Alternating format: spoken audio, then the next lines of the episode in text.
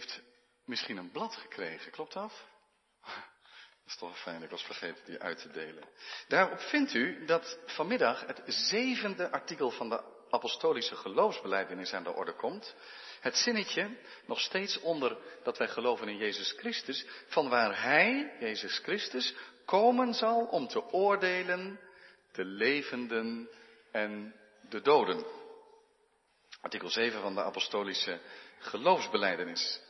En u vindt op uw blad natuurlijk de teksten die we gelezen hebben opgesomd, die te vermenigvuldigen zouden zijn. Maar ook een stukje uit de Heidelbergse catechismus en uit de Confessio Belgica, oftewel de Nederlandse geloofsbeleidenis. Stukje, behoorlijk stuk. Gemeente van onze Heer Jezus Christus.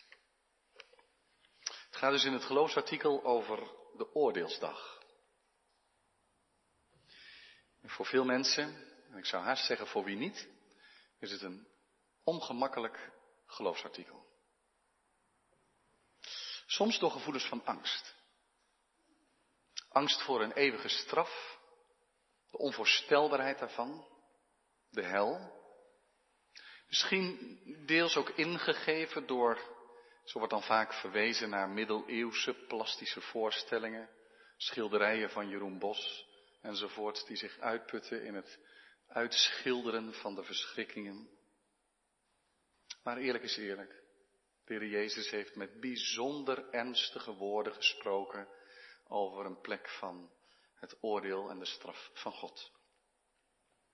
Anderzijds ongemakkelijk omdat het ook moeilijk te begrijpen is. Het levert allerlei vragen op. Vragen die u misschien zichzelf ook wel stelt. Hoe zit dat met een God die de complete overwinning behaalt over zonde, het kwaad, de dood. Maar hoe past het daarbij dat tot in eeuwigheid er mensen zijn die hun vuisten ballen tegen een genade God? Het zijn moeilijke vragen. Het maakt uh, wat ongemakkelijk soms. Anders gezegd, er zijn van die geloofsartikelen Waarbij je direct zegt, daar weet ik een paar mooie liederen bij te bedenken, want je wil God prijzen om zoiets moois. Maar als we nu het gaan hebben over die laatste dag, de jongste dag, de dag van het oordeel, staan we dan ook te popelen om onze lofliederen aan te dragen.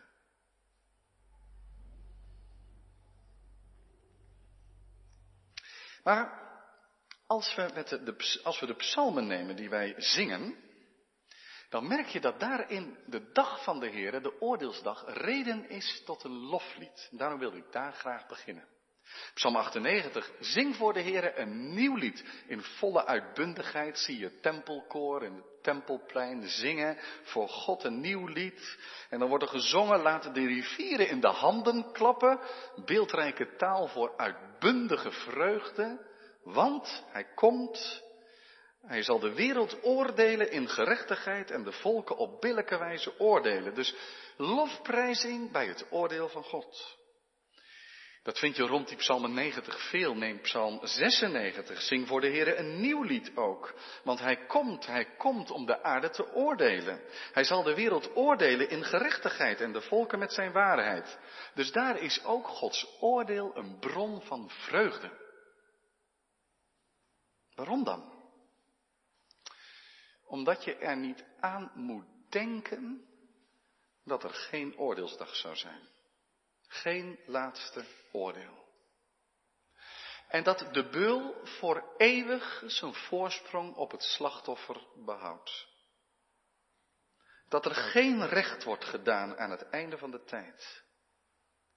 Dat Lazarus uit de beroemde gelijkenis van de Heer Jezus nooit verder kwam dan een ellendig leven, vertrapt door rijke mensen. En de rijke man ermee weg zou komen. Want er wordt in deze wereld zeker recht gedaan. En we mogen heel blij zijn dat we in een rechtsstaat leven. En toch voelen we alle aan dat het recht hier nooit ten volle gediend is.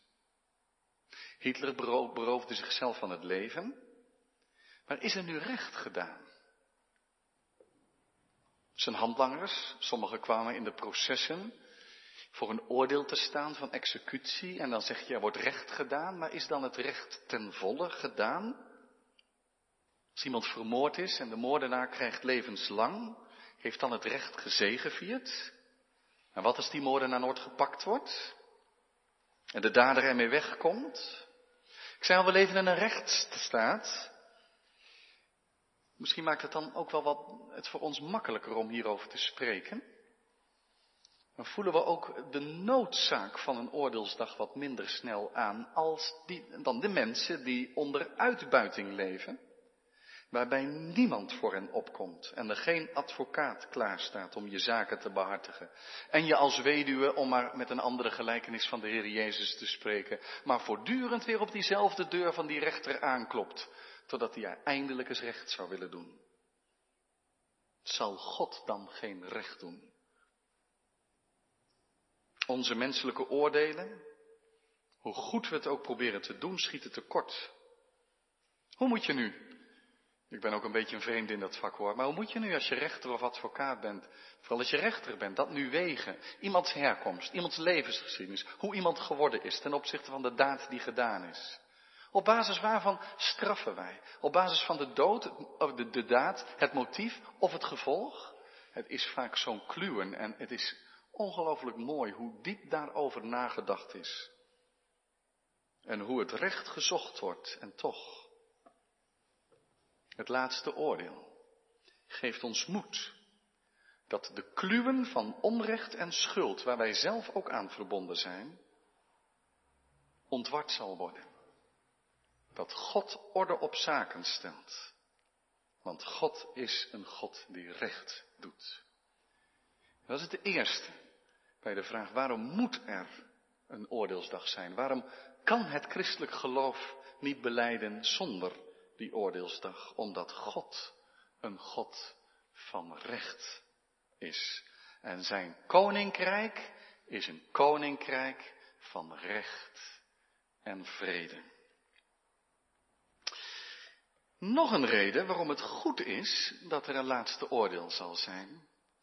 En dat is, en het is belangrijk om daarbij stil te staan, dat God onze schepper en verlosser ons kleine menselijke leven uiterst serieus neemt. En ik ben soms bang dat we dat aan het vergeten zijn. Als je zonder geloof en levensovertuiging in het leven zou staan, dan kun je moeilijk anders dan het leven als zinloos beschouwen. Dat wil niet zeggen dat je allemaal zinloze dingen doet en dat je niet zelf kunt proberen betekenis te geven aan het leven. Begrijp me goed. Maar zolang je een ander geen kwaad doet en, en rustig leeft, maakt het verder niet zoveel uit wat je met je uren, met je tijd, met je energie doet. En met je woorden en met je gedachten.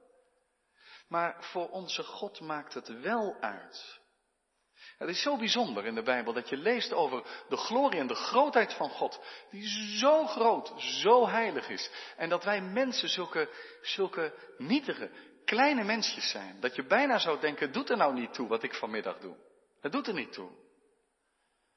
Maar God zegt, het doet er wel toe. Ik hou de mens die ik geschapen heb verantwoordelijk. Augustinus zei eens, het is de adel van de mensheid dat God de zonde straft. God houdt ons verantwoordelijk. En dat gaat ver. Op een zeker moment spreekt de Heer Jezus de woorden uit dat wij van elk woord rekenschap zullen afleggen. Elk nutteloos uitgesproken woord. Matthäus 12, vers 36. Ik kan dat ook moeilijk citeren zonder zorg. Wat een woorden spreken wij. Hoeveel nutteloze, lege woorden zijn daarbij. Maar hier gaat het mij nu even om dat God de mens zo hoog acht dat hij hem verantwoordelijk stelt. Het doet er werkelijk toe wat wij vanmorgen en vanmiddag hebben gedaan. En wat we vanavond zullen doen. Maar welke maatstaven hanteert God dan om te oordelen? En nu komen we bij een deel van deze preek die misschien niet het makkelijkst is. En dat zal even duren. We moeten er goede aandacht aan geven. Eerst is daarbij belangrijk dat we zien wie er komt. Het is niet dat het oordeel staat bij God de Vader, onze Schepper, maar bij de Zoon Jezus Christus. Hij komt, hij komt, zegt het Oude Testament. De Heere komt in zijn glorie en luister. Maar in het Nieuwe Testament lezen we hoe God het oordeel in de handen van Jezus Christus, zijn Zoon, heeft gelegd. Maar dat hierbij staat dat hij komt om te oordelen de levenden en de doden, dat zegt ondertussen dat de rechter die komt, dezelfde is als de redder. Het oordeel dat de Heer Jezus Christus velt, heeft dan ook alles te maken met hoe wij staan ten opzichte van Hem, van Jezus zelf. Hoe oordeelt Jezus dan? En daar, dat bedoelde ik net van dat het een lastig stukje is, omdat daar wat spanning op zit, dan zijn wij geneigd om heel de Bijbelse boodschap als het ware te comprimeren. En dan zeggen we, Jezus vraagt één ding. Heb je mij aanvaard als redder? Heb je mij aangenomen als je borg, je, je, verlosser? En dat is wellicht het belangrijkste wat we kunnen zeggen. En daarbij, we zijn een kerk van de Reformatie. En daarmee, dat betekent dat we nog wel eens extra sterk benadrukken dat we alleen uit genade, alleen door het geloof gered worden. En dat is waar. Maar, wie daarbij zou zeggen, dan maakt het voor de rest niet uit, die vergist zich.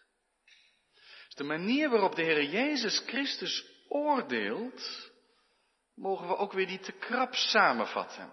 Dat je zegt, het enige wat speelt is voor of tegen Jezus. En dat is de kern. En dat is het allerbelangrijkste, het meest wezenlijke.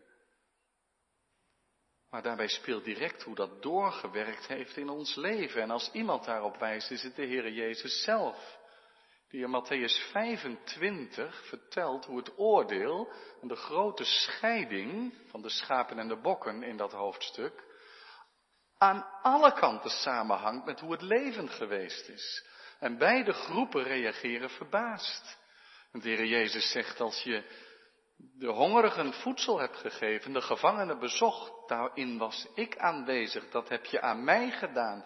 Kom dan binnen. Wanneer hebben we u dan zo gezien? Maar het leefde in hun hart om, om zo te leven. Maar degenen die bij God vandaan gehaald worden, van Hem verwijderd zijn, het oordeel rust op het punt dat ze de hongerigen voorbij gezien hebben. En de gevangenen aan hun lot overgelaten hebben. En de Lazarussen op hun stoep hebben laten liggen. En zich geïrriteerd hebben aan hun armoede. Niemand kan zich beroepen op geloof in de Heer Jezus Christus. Als het leven er ook niet mee verbonden is. Ik heb dat soms lastig gevonden. Als je alleen zegt, ja, wie echt door een levend geloof met Jezus verbonden is, die wordt gered. En ik denk dat we in de evangelieverkondiging daar onverkort aan vast moeten houden. Maar als je een kind voor je ziet, in je gedachten even, dat op jonge leeftijd komt te overlijden en nooit van het evangelie heeft gehoord. En wat uitgebuit is en misbruikt is. Kan bij het sterven van zo'n kind kan het anders dan dat onze handen omhoog gaan naar God en gezegd wordt, troost het. En wreek het onrecht wat dit kleine kind is aangedaan. God doet recht. Is dat niet de reden waarom wij spreken over het laatste oordeel? Het is ook echt het laatste oordeel. Dat betekent ook dat wij er niet eerder aan kunnen beginnen. God overziet het. En Hij oordeelt. En Hij ontwart wat wij niet kunnen overzien. Ik wil u even meenemen naar iets daarvan wat je tegenkomt in dat laatste hoofdstuk, de, e- eigenlijk tweede laatste hoofdstuk, openbaring 20. Daar zien wij in dat visioen wat Johannes daar krijgt, een grote witte troon en God Christus die daarop zit. En voor zijn aangezicht zoveel glorie en heerlijkheid vluchtte de aarde en de hemel weg. Er is geen plaats meer voor hen te vinden. En dan staat er, en ik zag de doden klein en groot voor God staan. allen. En de boeken werden geopend. En nog een ander boek werd geopend, namelijk het boek des levens. En de doden werden geoordeeld overeenkomstig wat in de boeken geschreven stond, overeenkomstig hun werken. En ook hier zie je dat Johannes in het visioen naar zich toe krijgt dat het oordeel van God over de werken gaat. God oordeelt over ons leven. En toch, en toch hebben we die genade nodig dat er ook van dat andere boek sprake is. De boeken worden geopend, mensen worden geoordeeld, maar er is nog een ander boek, namelijk het boek des levens, waar de namen in staan van allen die aan Christus verbonden zijn. Want met onze daden redden we het niet. Als we deze dingen op een rij zetten, dan lukt het ons niet helemaal om dat op een perfect, perfecte formule te zetten. Hoe wordt een mens gered? Door het geloof in Jezus Christus. Door genade alleen. Maar niet omdat het leven er niet toe doet. Het is zo opmerkelijk dat ik dat blijkbaar lastiger vind soms dan de apostel Paulus, die in 2 Korinthe 5, waarin hij heel de magistrale leer van de verzoening uitwerkt en zegt, dit alles is uit God, die de wereld met zichzelf verzoend heeft. Hij heeft zijn zoon gegeven, hem tot zonde voor ons gemaakt, opdat wij zouden worden gerechtigheid van God in hem. Machtige woorden in 2 Korinthe 5 over de, de, de, de, grootsheid, de diepte van de verzoening. En in datzelfde hoofdstuk zegt hij, maar wij moeten alle voor de rechterstoel van Christus openbaar worden, opdat ieder vergelding ontvangt voor wat hij door middel van zijn lichaam gedaan heeft, het zij goed, het zij kwaad. Dat staat bij Paulus rustig naast de machtige leer van de verzoening.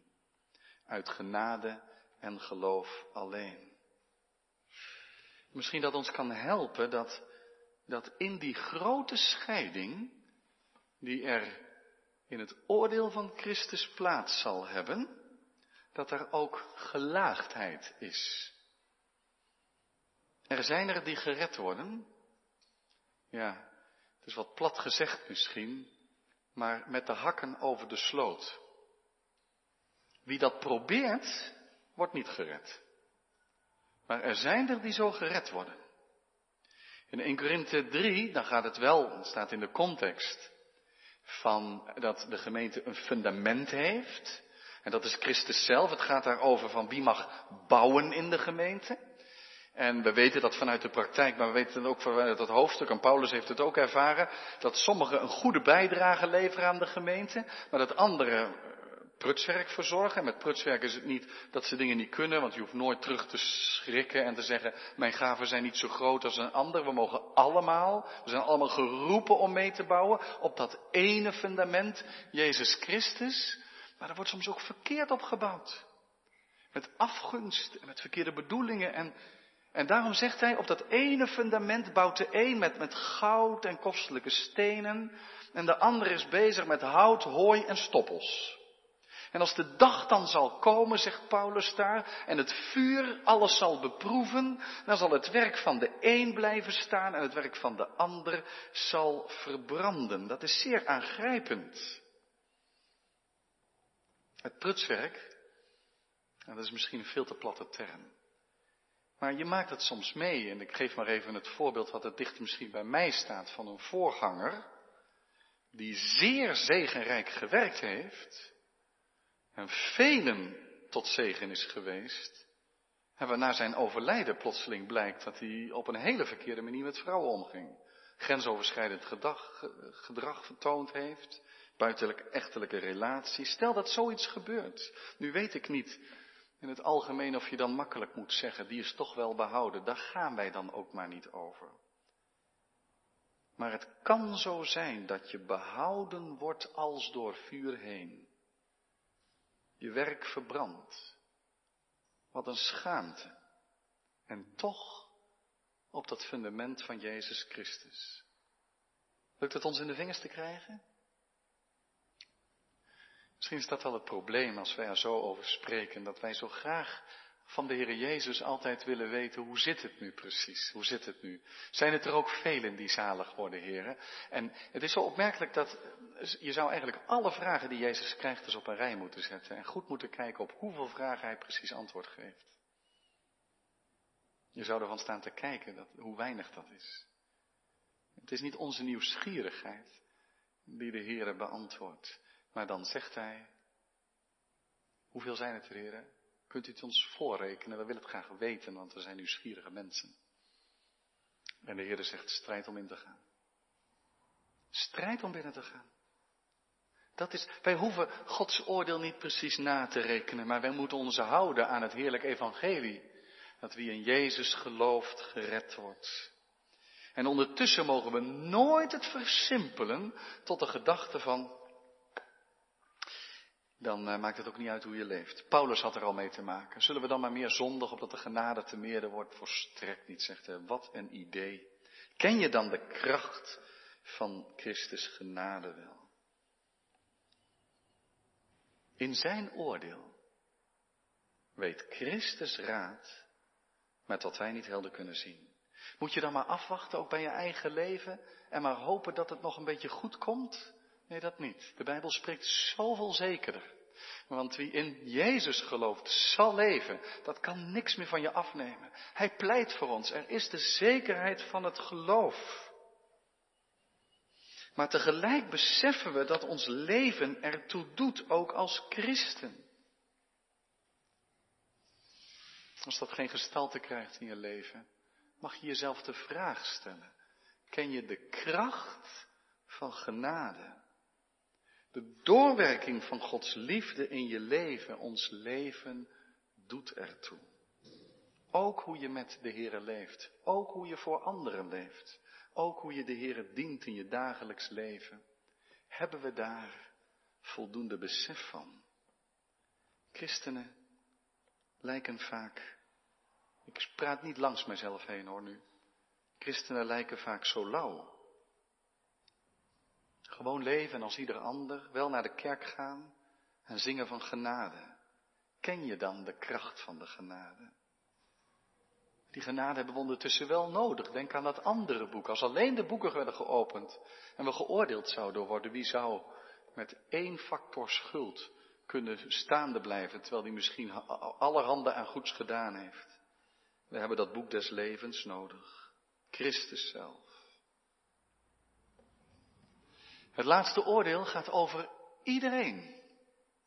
Hij zal komen om te oordelen de levenden en de doden. Dat is pas recht doen aan iedereen, ook de doden, ook de levenden. En dan zit je misschien nog met de vraag, maar als het oordeel dan uitloopt op die allerergste straf. Kijk maar mee in de Heidelbergse catechismus. De vraag is, Welke troost biedt u de wederkomst van Christus om te oordelen de leven en de doden? En je moet niet voorbij gaan aan die vraag. Het gaat om de troost van de wederkomst. Beide stukjes uit onze belijdenissen staan tegen de achtergrond van christenvervolging. Ze hebben dat gevoeld in die dagen. En daarom is het antwoord ook, dit is de troost, dat ik in alle droefenis en vervolging met opgeheven hoofd hem verwacht als rechter uit de hemel, hem die zich eerst om mijnentwil voor Gods gericht gesteld en heel de vloek van mij weggenomen heeft. Hij zal al zijn en mijn vijanden in de eeuwige verdoemenis werpen, maar mij met alle uitverkorenen tot zich nemen in de hemelse vreugde en heerlijkheid. Het is opmerkelijk dat in het beleidersschrift daaronder, de Nederlandse geloofsbelijdenis die ik u niet helemaal voor zal gaan lezen, maar dat je daar dezelfde tonen aantreft, twee jaar eerder. Het is een geloofsbeleidenis hier op Belgische bodem geschreven en je zou ook wel kunnen zeggen ontstaan in vervolgingstijd. En dan gaat het er hier juist om dat het een geweldige troost is dat onze zaak, schrijft Guido de Breije, dat onze zaak die nu aan de kant geschoven wordt als, als als opstand en als niks, dat zal blijken de zaak van de Zoon van God te zijn. En daar kom je datzelfde tegen als wat je in het Nieuwe Testament ook tegenkomt als de Heer Jezus in de meest ernstige bewoordingen over die plaats spreekt, waar de worm niet sterft en het vuur niet wordt uitgeblust, waar tanden geknars zal zijn, wroeging, spijt. En dan wordt er verwezen naar dat Hinnomdal, het dal vlak bij Jeruzalem, waar altijd vuur smulde en brandde, waar het afval verbrand werd. En dat neemt de Heer Jezus als een soort, eh, zeker als er over Gehenna, dat gaat op Hinnom terug, gesproken wordt. Wat wij aan hel hebben staan in onze vertaling, die heeft in de grondtaal nog wel diverse woorden achter zich. Het zou goed zijn om daar eens naar te kijken. Maar daar is onuitblusselijk vuur. En de Heer Jezus verwijst naar dat onuitblusselijke vuur juist op momenten dat mensen zich het felst verzetten tegen God en zijn koninkrijk. Want het oordeel betekent dat God de zaken omdraait. Had Maria daar niet al van gezongen? Machtigen van de troon gaan en nederigen verhoogd worden. Dat degenen die anderen het leven zuur maken, hun verdiende loon krijgen en die uitgebuit worden, zullen worden hersteld vergoed. En zo zie je dat de taal van die diepe ernst direct raakt aan het recht van God. Hoe het zal zijn, moeilijk is dat. Ik ben huiverig, dat heeft u wel gemerkt, om over de hel te spreken. Als je er zo letterlijk in wil geloven, word je raar in je hoofd dan krijg je een neiging om van deur naar deur te rennen om mensen te overtuigen dat ze nog alle minuut gered moet worden. Zo hoeft het niet en zo deed Jezus het ook niet. Toch zei Paulus twee redenen waarom ik niet kan wachten om anderen het evangelie te verkondigen. Wetend de verschrikking van de Heer in zijn oordeel. En wetend de liefde van Christus. Daarom bewegen wij de mensen tot het geloof. Maar laten we niet precies vragen hoe of wat. Ben je zelf bang? Bang voor het oordeel? Wend je dan tot Jezus. En laat dit je moed geven, zoals de Heidelbergse catechismus ook zo prachtig verwoordt. Dat uit de hemel komt de rechter, dat is Hij die zich eerst omwille van mij voor Gods gericht gesteld heeft en heel de vloek van mij weggenomen heeft. Hij heeft zich in onze plaats gesteld. Hij is de vervloekte geworden om ons hoop en zekerheid te geven. Veranker je in het evangelie van onze Heer Jezus Christus. Heb je geliefden om je heen die niet geloven? Dat vind ik ook heel moeilijk. Hoe zal het met hen gaan? Wij kunnen niet anders. Maar wij mogen het ook toevertrouwen, het overlaten aan God, die barmhartiger is dan wij kunnen bevatten. En rechtvaardiger dan wij kunnen voorstellen. Onze goede God. Leg het maar in zijn handen. Blijf bidden. Doe er niet gemakkelijk over. Blijven bidden. Ze hebben Jezus nodig. Wij ook. Blijf maar openingen zoeken, maar het kan om nog te spreken met hen. Maar vergeet nooit dat het laatste oordeel niet aan ons is. Nooit. Al zou iemand sterven bij wijze van spreken en Jezus afzweren. Het laatste oordeel is aan God. Het ligt in zijn handen. En wij? Wij mogen ons verheugen in Gods oordeel. De geschiedenis heeft inhoud. De wereld draait niet zinloos door. Mensenlevens doen ertoe, ons leven ook. Laten we leven van genade, maar elke dag bewust zijn dat we de genade van God ademen om te leven met en voor Hem. Amen.